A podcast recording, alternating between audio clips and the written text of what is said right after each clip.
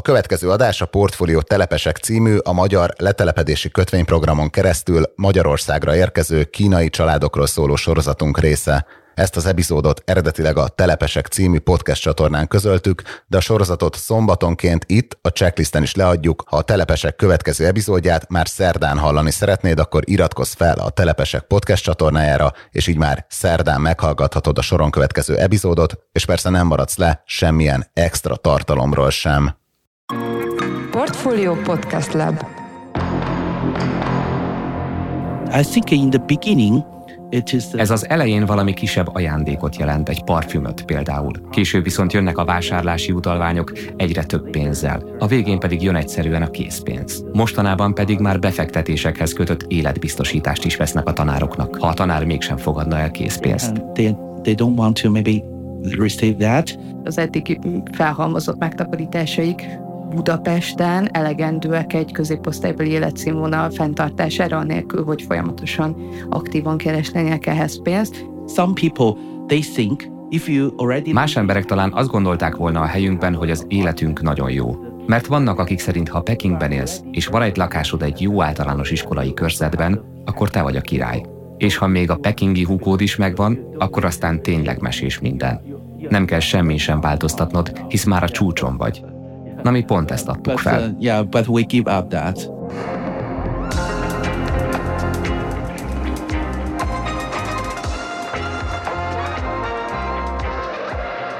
Ez a Telepesek harmadik epizódja, én Forrás Dávid vagyok, a Portfolio podcast szerkesztője. Én pedig Beck Fanni, a CEU doktori hallgatója. 2013 és 2017 között bárki, aki 250 ezer vagy később 300 ezer euró forrás biztosított 5 évre a magyar államnak, az családjával együtt letelepedési engedélyhez juthatott Magyarországon.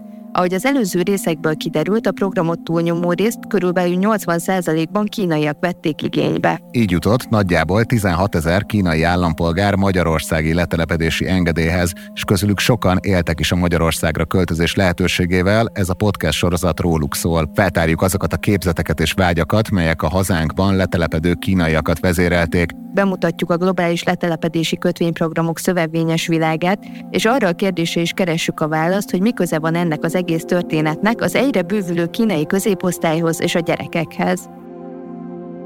Az előző részekben megismertük Kájt, a 36 éves Magyarországon élő letelepedési kötvényes kínai apukát, akinek a történetét a teljes sorozatban végigkövetjük. Ezen túl már volt szó azokról a letelepedési programokról, melyekkel a magyar kötvényprogram versenyzett globálisan, és megszólalt a műsorban egy olyan üzletember is, aki más országok hasonló konstrukciói mellett a magyar letelepedési kötvényprogramot is értékesítette.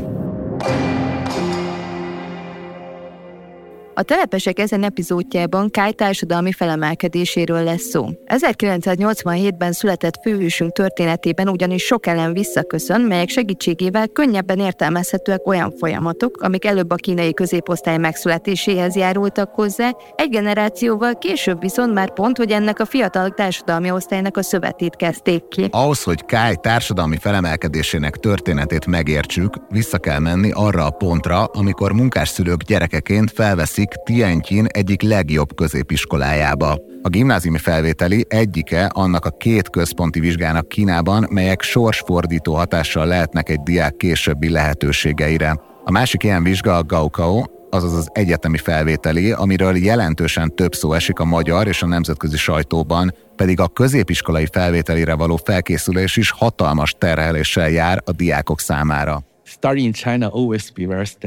Kínában tanulni nagyon stresszes. Egy 8-9 éves gyerek a házi feladatát sem tudja befejezni este 10 óra előtt. Kínában ugyanis délután 5 körül fejezik be az iskolát, mivel a szülők nem tudnak elmenni a gyerekekért kettőkor vagy háromkor, mert dolgozniuk kell. Tehát amikor az iskola 5 körül véget ér, akkor sokan még külön órákra mennek. Aztán mire hazaérsz és együtt megvacsorázik a család, már is 7 vagy 8 óra van. És akkor kell nekiállni a házi feladatoknak. Szóval, ha az összes házi feladatot be tudod fejezni 10 előtt, akkor szerencsés vagy. Az első tanóra reggel 8-kor kezdődik, és egy nap 8 órád van. Amikor vizsgára készülsz, az még ennél is őrültebb. Én majdnem minden este hajnali egy körül fejeztem be a tanulást, és reggel 6 fél hét körül kellett kelnem, tehát naponta talán csak kb. 5 órát aludtam. És muszáj ezt csinálod, mert körülötted mindenki, az összes osztálytársad ezt csinálja, szóval ha te nem teszed ezt, akkor lemaradsz. Hogy őszinte legyek, abban az időben eszembe se jutott, hogy ez normális-e. Az összes osztálytársam, az összes barátom, mindenki ugyanezt csinálta, tehát nem gondoltam, hogy ez nem normális. Azt gondoltam, hogy az élet talán ilyen. Csak jóval egyetem után, amikor gyerekem született, kezdtem el ezen a kérdésen gondolkodni. Korábban soha nem merült fel bennem, hogy ez így rendben van-e és most még őrültebb a helyzet, mint amikor én jártam iskolába. Korábban csak a gyerekek között volt verseny, de most már a szülők között is megy. A tanár kiosztja a szülőknek is a házi feladatot, megmondja, hogy mire kell figyelni, és minden nap visszajelzést kell adni. Például lehet, hogy a tanár arra kér, hogy olvassatok el egy történetet vagy egy cikket otthon. Akkor vissza kell neki jelezni, hogy oké, okay, Tom már olvasta, vagy ilyesmi. És ha adnak nektek valamilyen vizsgát, amit otthon kell megcsinálni, akkor meg le kell fényképezned és vissza kell küldened a tanárnak. Szóval ez egy elég őrült tempó. Most már nem csak a gyerekeknek, hanem a szülőknek is. A tanárok szinte folyamatos nyomás alatt tartanak mindenkit. Time. Kínában az iskolában való érvényesülés ráadásul egyáltalán nem csak az egyéni teljesítményen múlik. Az állami oktatásban ugyanis nagy hagyománya van az ajándékok rendszerének. Egy átlagos középiskolai osztály létszáma meghaladja az 50 főt. Így a személyre szabott figyelem és jobb bánásmód reményében a szülők pénzt, értékes árucikkeket, sőt, legújabban életbiztosítást adnak a tanároknak. It is a very popular in the uh, high school period. Ez a középiskolákban megy leginkább. Ez azért van, mert a tanulmányi pontszámon túl az intézménynek is van beleszólása abba, hogy pontosan milyen eredményt érsz el az egyetemi felvételi vizsgán. Tehát néhány szülő mindent megtesz, hogy a tanárokat lekenyerezze. Ez az elején valami kisebb ajándékot jelent, egy parfümöt például. Később viszont jönnek a vásárlási utalványok egyre több pénzzel. A végén pedig jön egyszerűen a készpénz. Mostanában pedig már befektetésekhez kötött életbiztosítást is vesznek a tanároknak, ha a tanár mégsem fogadna el készpénzt. Egy-két év és a tartam lejár, és már le is lehet róla szedni a pénzt. Szóval az ajándékozási rendszer nagyon népszerű Kínában. Különösen a legjobb középiskolákban, ahol a szülők a leginkább próbálnak kedveskedni a tanároknak. Kite arra is megkértük, hogy becsülje meg egy évben egy jó pekingi középiskolában mekkora értéket tehetnek ki családonként azok az ajándékok, melyeket a szülők a tanároknak adnak. I think maybe for Én úgy satszolom, hogy ez évente akár 10 ezer eurót is kitehet. 10,000 euro. Az ilyen összegek miatt egy állami iskola költsége jelentősen meg is haladhatja egy magánintézmény tandíját. Kai szülei viszont, mivel gyári munkások voltak, nem engedhették meg maguknak, hogy drága ajándékokat vegyenek a tanároknak, így pedig főhősünknek nem volt más választása, mint hogy sokat tanuljon. Kai társadalmi felemelkedése szempontjából kulcsfontosságú volt, hogy bekerüljön egy jó egyetemre, ehhez pedig a kínai felsőoktatási felvételi vizsgán, azaz a Gaokhaon keresztül vezetett az út. Ez egy nagyon összetett rendszer, ami a kínai egyetemekre való bejutás szabályait határozza meg. A Gaokhaót évente egyszer lehet megírni, Kájnak pedig előre meg kellett jelölnie azt a három egyetemet, ahová felvételizni szeretne. Káj helyzetét ráadásul nem csak az nehezítette, hogy csak három intézményt jelölhetett meg, hanem hogy a különböző régiókból érkező diákoknak csak korlátozott számú helyük van egy adott egyetemi szakon. For the Chinese students, I think a kínai diákok számára az egyetlen módja, hogy bekerüljenek a felsőoktatásba, az a központi egyetemi felvételi vizsga. Ez a legnagyobb vizsga Kínában. Mindenkinek le kell tennie, ha beszeretne kerülni egyetemre. És ha már erről a témáról beszélek, fontos megemlíteni a HUKO rendszert is. Kína nagyon nagy, és nagyon sok diák szeretne minden évben egyetemre menni. De a különböző emberek, akiknek különböző húkójuk van, különböző prioritásokkal rendelkeznek. Ezen a ponton pedig érdemes megismerkedni a Hukou rendszerrel, amely nagy mértékben idézi elő és tartja meg a kínai társadalmon belüli egyenlőtlenségeket. A Hukou rendszer bevezetése még Mao Zedong idején az 1950-es években történt meg a kínai tervgazdaság és szocialista politika részeként. Ennek elsődleges célja a népesség mozgásának szabályozása és a társadalmi rend fenntartása volt azáltal, hogy az egyéneket születési helyük vagy származásuk alapján meghatározott kategóriákba osztotta be. A Huko rendszer céljai közé tartozott az urbanizációs folyamatok ellenőrzése, az emberi erőforrások megfelelő elosztása, valamint a társadalmi stabilitás megőrzése. Ezeket egyebek mellett úgy kívánta elérni, hogy minden kínai állampolgárt besorolt vidéki vagy városi státuszba, és számos esetben ez döntötte el, hogy milyen állami szolgáltatásokhoz férhetnek hozzá. A HUKO rendszer nagy mértékben korlátozza a mai napig a vidékiek városi területekre való elköltözését és az ott való érvényesülést is. Ez egyebek mellett azt jelenti, hogy egy adott régió húghójával rendelkező kínai állampolgár csak otthon, a saját területén férhet hozzá olyan szolgáltatásokhoz, mint az ingyenes egészségügy, a gyerekek oktatása és más szociális juttatások. Ez természetesen azt is jelenti, hogy a munkáltatók a fehér galléros pozíciók esetében előnyben részesítik a helyi húkóval rendelkező dolgozók alkalmazását, hiszen nekik például egy betegség esetén nem kell akár több ezer kilométert utazniuk, hogy ingyenes egészségügyi ellátáshoz jussanak. A kék galléros dolgozóknál viszont pont a kiszolgáltatottság miatt alkalmas a rendszer a fokozottabb kizsákmányolásra. Elméletileg egyébként van lehetőség a hukó megváltoztatására, ám ehhez gyakran olyan feltételek kapcsolódnak, melyek teljesítése pont az erőforrásokhoz és szolgáltatásokhoz való egyenlőtlen hozzáférés miatt tömegek számára gyakorlatilag lehetetlen. Bár a hukó rendszer valamennyit változott a bevezetése óta, a helyzet sokak számára továbbra is tartatatlan. 2016-ban a Washington Post írt egy Pekingben dolgozó kínai apukáról, aki felgyújtotta magát egy kormányhivatal előtt, az ellen tiltakozva, hogy a gyermekét nem engedték beiratkozni a helyi iskolába. Ez úgy fordulhatott elő, hogy a férfi megcsúszott a helyi önkormányzatnak fizetendő tandíjjal, amit azért kellett fizetnie, mert gyermeke nem volt jogosult ingyen Pekingben iskolába járni, mivel nem volt helyi hukója. Ezen felül a Hukó rendszer az egygyermek politika betartását is elősegítette, mivel gyakran egy második gyerek egyszerűen nem kapott ilyen igazolványt az államtól. Így pedig szellemként tudott csak létezni, elzárva az oktatás és egészségügy intézményeitől, gyakorlatilag minden állami szolgáltatástól és felnőttként a legális munkaerőpiactól is. Kájnak egyébként Tienkini a húkója, ami nem rossz, mivel városi besorolású, ugyanakkor az már önmagában csökkentette a továbbtanulási esélyeit, hogy a legjobb egyetemek Pekingben vannak, ahová a pekingieknek van a legnagyobb esélyük bejutni.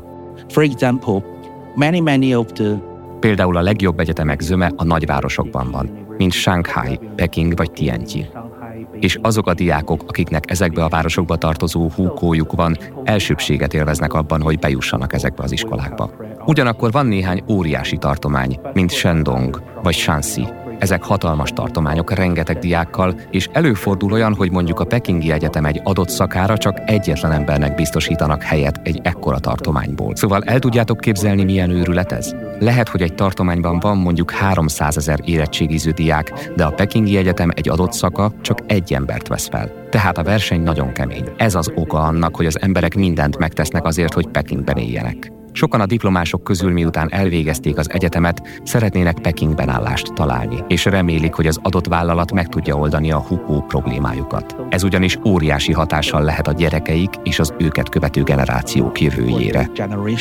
you know, for, for the next for their children. Yes. Kai helyzetét bonyolította, hogy még azelőtt meg kellett jelölni azokat az egyetemeket, ahová beadná a jelentkezését, mielőtt megtudta volna, hány pontot szerzett a Gaokhaon, és hogy hogyan szerepelt a vizsgán a vele egy év folyamban érettségiző diákokhoz képest. My huko is in Tianjin, and uh, some of the top Az én hukom Tianjini, és a legeslegjobb egyetemek némelyike csak kettő, vagy mondjuk öt diákot vesz fel Tianjinből egy adott szakra, ami nem olyan sok. Az én középiskolámban párhuzamosan 13 osztály van egy év folyamban, és minden osztályban 55 diák van. Egy év folyam körülbelül 600 ember. Az én vizsgaeredményem az ötödik legjobb volt a 600-ból de a pontos eredményedet még nem tudod, mikor le kell adni a jelentkezést, és csak három egyetemet jelölhetsz meg. Az első az, ahová nagyon szeretnél menni. A második még elmegy, a harmadik pedig a biztonsági kártyád. Én abban biztos voltam, hogy Pekingbe akarok egyetemre menni, úgyhogy első helyre a kínai mezőgazdasági egyetemet jelöltem meg. Azért azt, mert más pekingi egyetemekre csak egy hely volt Tianjinből, oda meg öt. Szóval azt gondoltam, hogy így ötször nagyobb az esélyem bekerülni. Egyébként utólag kicsit megbántam ezt a döntésemet, mert mint végül kiderült, nagyon magas lett a pontszámom, de ugye ezt még akkor nem tudtam, amikor be kellett jelölnem az egyetemeket. Biztosra kell menni. Nem akarod elszalasztani az első helyen megjelölt egyetemedet.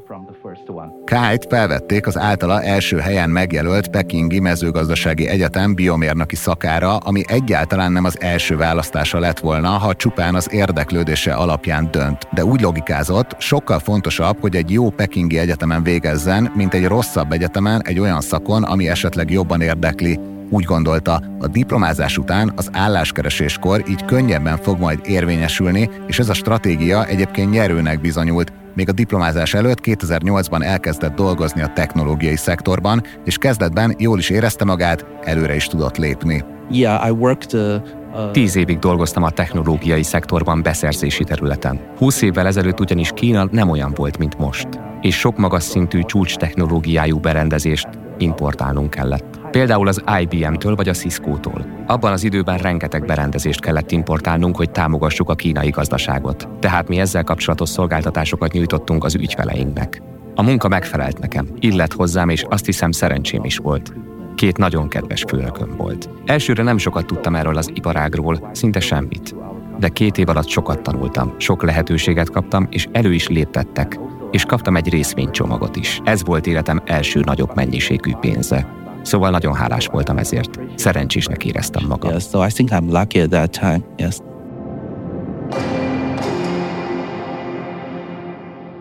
Kai karrierje tehát jól indult, ugyanakkor hamar kétségek jelentek meg benne az életvitelével, életútjával kapcsolatban. A kínai munkai kultúra ugyanis nem sokban különbözik attól a gyilkos hajtástól, amit a tanulmányai alatt megtapasztalt. Ennek a szemléltetéséhez Jack Mát, az Alibaba alapítóját hívtuk segítségül. 996 is the spirit that I encourage in Alibaba people.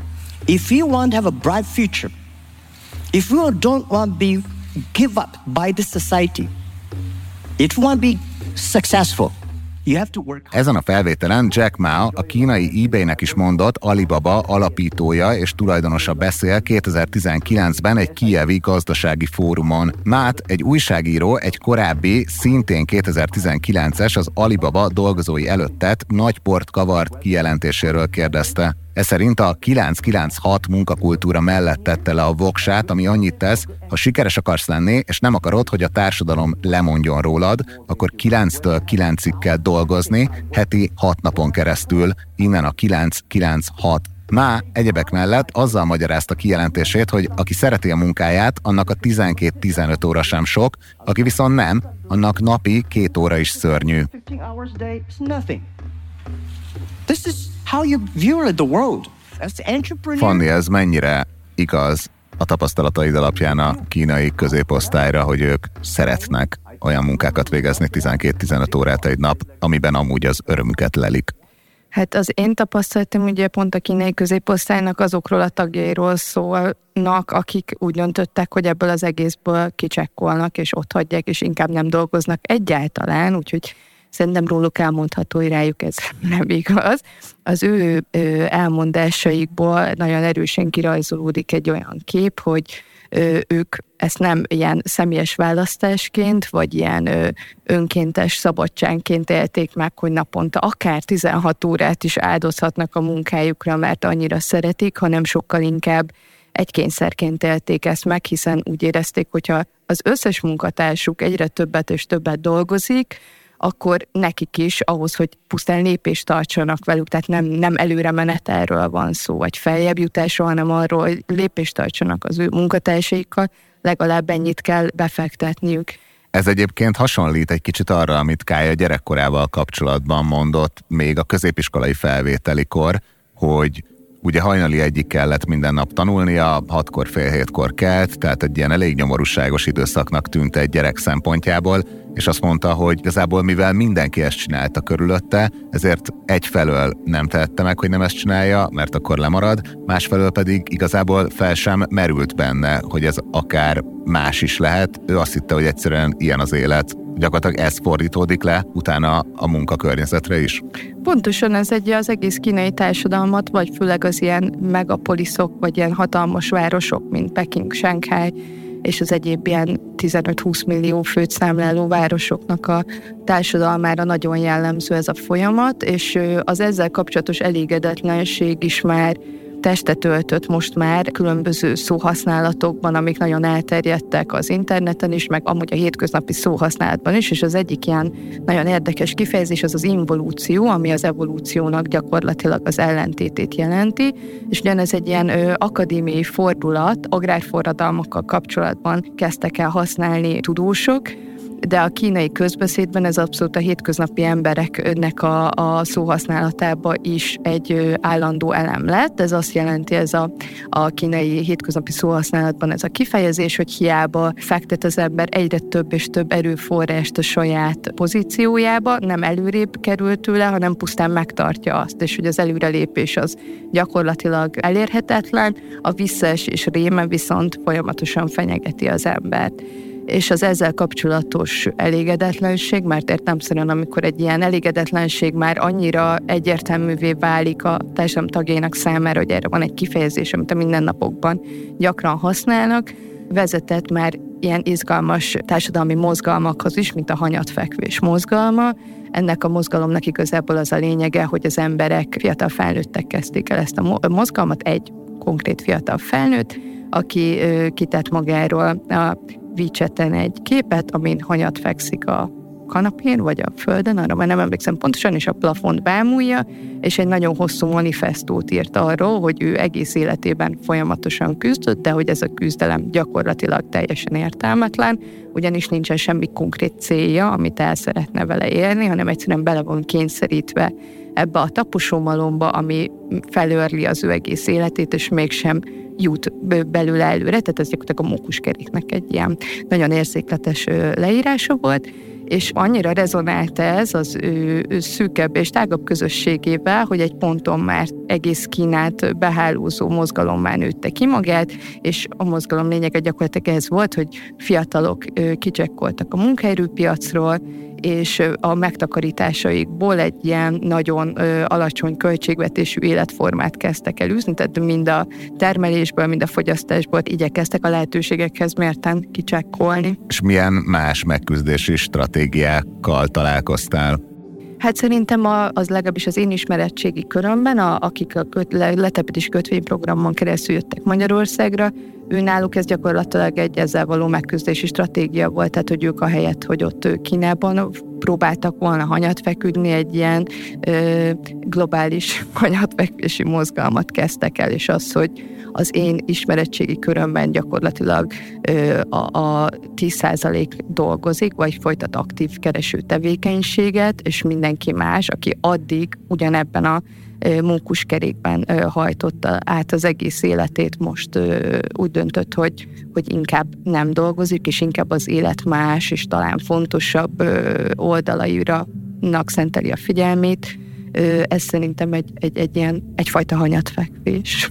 Tehát, hogy ők is kicsekkoltak, csak másképp. És itt mennyire jelenik meg megoldási útként maga ez a geoarbitrás, ezt a kifejezést ugye sokszor kerülgettük már a beszélgetéseink, meg a, a podcast gyártása folyamán, és talán ez az a természetes hely, ahol erről kicsit tudunk beszélni. Igen, szerintem is egyértelműen ide tartozik, mert hogy itt a két ország közötti jövedelmek közötti különbség teszi azt lehetővé, hogy ezek az emberek ezt a gyakorlatilag produktív életszakaszukat teljesen passzívan töltsék el, ugyanis az eddig felhalmozott megtakarításaik Budapesten elegendőek egy középosztálybeli életszínvonal fenntartására, anélkül, hogy folyamatosan aktívan keresnének ehhez pénzt. Ami azért is különösen érdekes, mert hogy a, ez egy, nem egy ö, nagyon jól ismert migrációs folyamat, mert a migrációs folyamatokban általában ahogy a, az emberek gondolnak erre, mindig fordítva történik ez, tehát az alacsonyabb jövedelmi jövedelemszerzés helyszíneiről a magasabb jövedelemszerzés helyszínei felé mozdulnak el az emberek, mert hogy azt gondoljuk, hogy az emberek azért migrálnak, hogy magasabb életszínvonalon éljenek, amit mindig azt feltételezzük, hogy azt jelenti, hogy jobban szeretnének keresni, és itt meg gyakorlatilag ennek az ellentétét látjuk, hogy magas jövedelemszerzésből alacsony jövedelemszerzési helyszínre jönnek, mert itt olcsóbbak az életköltségei, és így megszabadulhatnak a jövedelemszerzés terhétől. K esete egyébként ennél összetettebb, ahogy a telepesek korábbi epizódjában szó volt róla, 2012-ben gyereke született Tom, aki egy olyan egészségügyi problémával nézett szembe, ami már önmagában is a költözésre sarkalta Kájt és családját. We live in Peking, yes. Ekkor már Pekingben éltünk. Az elején, miután megszületett a baba, dolgoznunk kellett. Ezért a kisgyereket odaadtuk anyukáméknak, és ők gondoskodtak róla. Egészen addig, amíg három éves nem lett és mehetett óvodába. Az óvodáért egyébként fizetni kellett, nem úgy, mint Magyarországon. Majdnem 600 eurót fizettünk havonta. Abban az időben nagyon nagy volt a smog. A levegő minősége nagyon-nagyon rossz volt. És ez volt a fő oka annak, hogy úgy döntöttünk, elköltözünk külföldre. Szerintem az egészség a legfontosabb a gyerekek számára.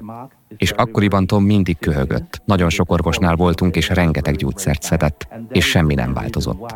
Úgy gondoltuk, hogy ez egy krónikus probléma, nem egy akut betegség. Szóval akkoriban gondolkodtunk azon is, hogy talán csak egy másik városba kéne költöznünk. Például Kína déli részén nagyon jó a levegőminőség. De úgy gondoltuk, hogy nincs sok különbség a között, hogy új város vagy új ország. Így is úgy is mindent a nulláról kell kezdeni. És akkor már jobb, ha külföldre megyünk. With better to choose go abroad. Ezzel párhuzamosan pedig Kájban az a képzet is megkérdőjeleződött, hogyha keményen dolgozik a céljaiért, akkor biztosan el is éri őket.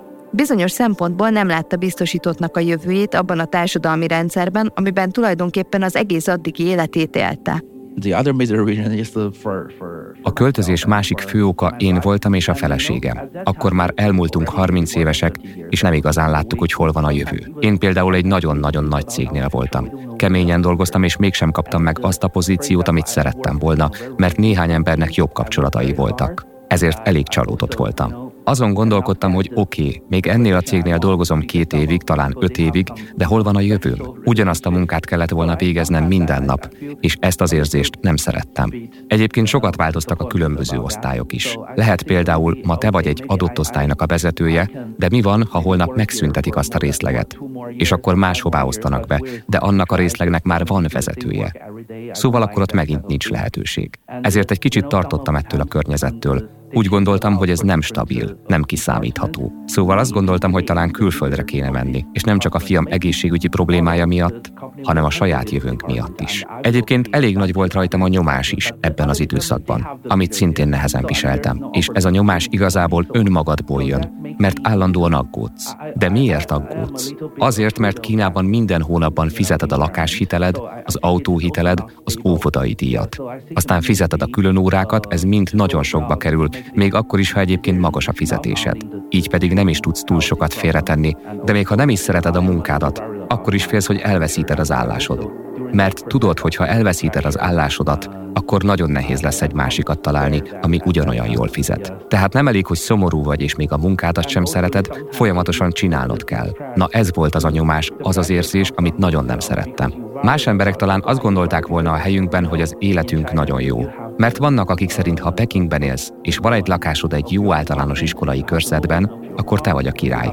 És ha még a pekingi húkód is megvan, akkor aztán tényleg mesés minden. Nem kell semmi sem változtatnod, hisz már a csúcson vagy.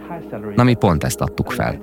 Nem akartam, hogy a gyerekem ilyen félelmekkel küzdjön, amikről igazából azt sem tudtam, hogy mire jók. Egész életemben keményen tanultam, egész életemben keményen dolgoztam. És egyszer csak rájöttem, hogy igazából semmim sincs. Igen, igen, volt egy jó állásom. Na, de ezen kívül nem sok mindenem volt. A gyerekkor egy megismételhetetlen időszak az életben. Tom majd dolgozhat keményen a jövőben. De remélem, hogy amíg ilyen fiatal, addig élvezni tudja a gyerekkorát. Azt csinálhat, amit akar, boldog lehet. Nem rakunk rá különösebb nyomást, barátkozhat.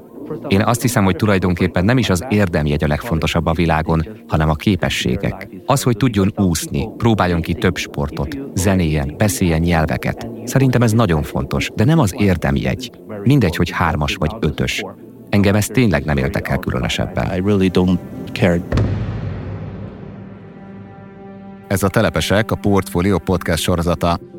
A következő részben Kai első budapesti tapasztalatairól lesz szó. Yeah, the first time I came to, to the... Amikor először jöttem Budapestre, a 13. kerületben laktam, a Marina parton. Ott, tudod, a Dunapláza mellett. Szerintem az egy nagyon jó hely. Amikor reggel felkeltem és elmentem sétálni, nagyon sok kínai embert láttam. Beszélgettem velük. Örültem is neki, hogy sok kínai él Magyarországon. Úgyhogy nem leszünk egyedül. Ezen kívül gorcsó alá vesszük az intenzív gyereknevelést, ami világszerte, így Kínában és Magyarországon is egyre nagyobb terhet ró szülőkre és gyermekekre egyaránt. Nagyon nagy szakértelmet igénylő tevékenységé vált, tehát a szülőknek maguknak is szakértőké kell válniuk. Emellett pedig szó lesz a magyar oktatási rendszerről is. Tomot, Káj fiát ugyanis nem magániskolába, hanem közoktatási intézménybe iratták be, miután Magyarországra költöztek. Budapesten van krízis, mert hogy minél magasabb egy településen a diplomások aránya, annál nagyobb nyomás nehezedik erre az elitiskolai hálózatra, annak érdekében, hogy felvegyen minél több gyereket. Ez a Telepesek, a Portfolio Podcast sorozata. Új epizóddal szerdánként jelentkezünk a Spotify-on, az Apple Podcast-en és gyakorlatilag bárhol, ahol podcastek elérhetők a neten. Ha tetszett az adás, akkor kövesd a Telepesek podcast csatornáját, így biztos nem maradsz le a következő részekről. Ezen kívül kérjük, hogy értékelj is minket azon a platformon, ahol ezt az adást meghallgattad. Ez sokat segít nekünk abban, hogy mások is megtalálják a sorozatot. A telepesekhez készített interjúkat a közérthetőség és a narratíva alkotás kedvéért szerkesztettük és vágtuk. A telepesek gyártásában részt vett Csiki Gergely. Zene és sound design Tövisházi Ambrus. Grafika Tóth Tesszéri Vera. Káj magyar hangja Hevesi László, Krisztin Surák magyar hangja Boncser Sára. A podcast sorozat társházigazdája, írója és producere Beck Fanni, és Forrás Dávid. A telepesekből új rész szerdánként jelenik meg, addig is ajánljuk a portfólió csoporthoz tartozó többi podcastet. Ha vezető magyar gazdasági szakemberek karrierútjára vagy kíváncsi, akkor keresd meg az első yardot. Ha naponta jelentkező hírelemző adásunkat szeretnéd hallgatni, azt Portfolio Checklist néven találod meg szinte minden podcast platformon. Lapunk többi műsora pedig a simán Portfolio névre hallgató podcast csatornán jelenik meg. Itt követheted Alapvetés című, agrár- és élelmiszeripari sorozatunkat, valamint a Portfolio heti podcastjét is. A telepesekből új epizód tehát szerdánként jelenik meg az összes nagyobb podcast platformon, és persze a Portfolión is.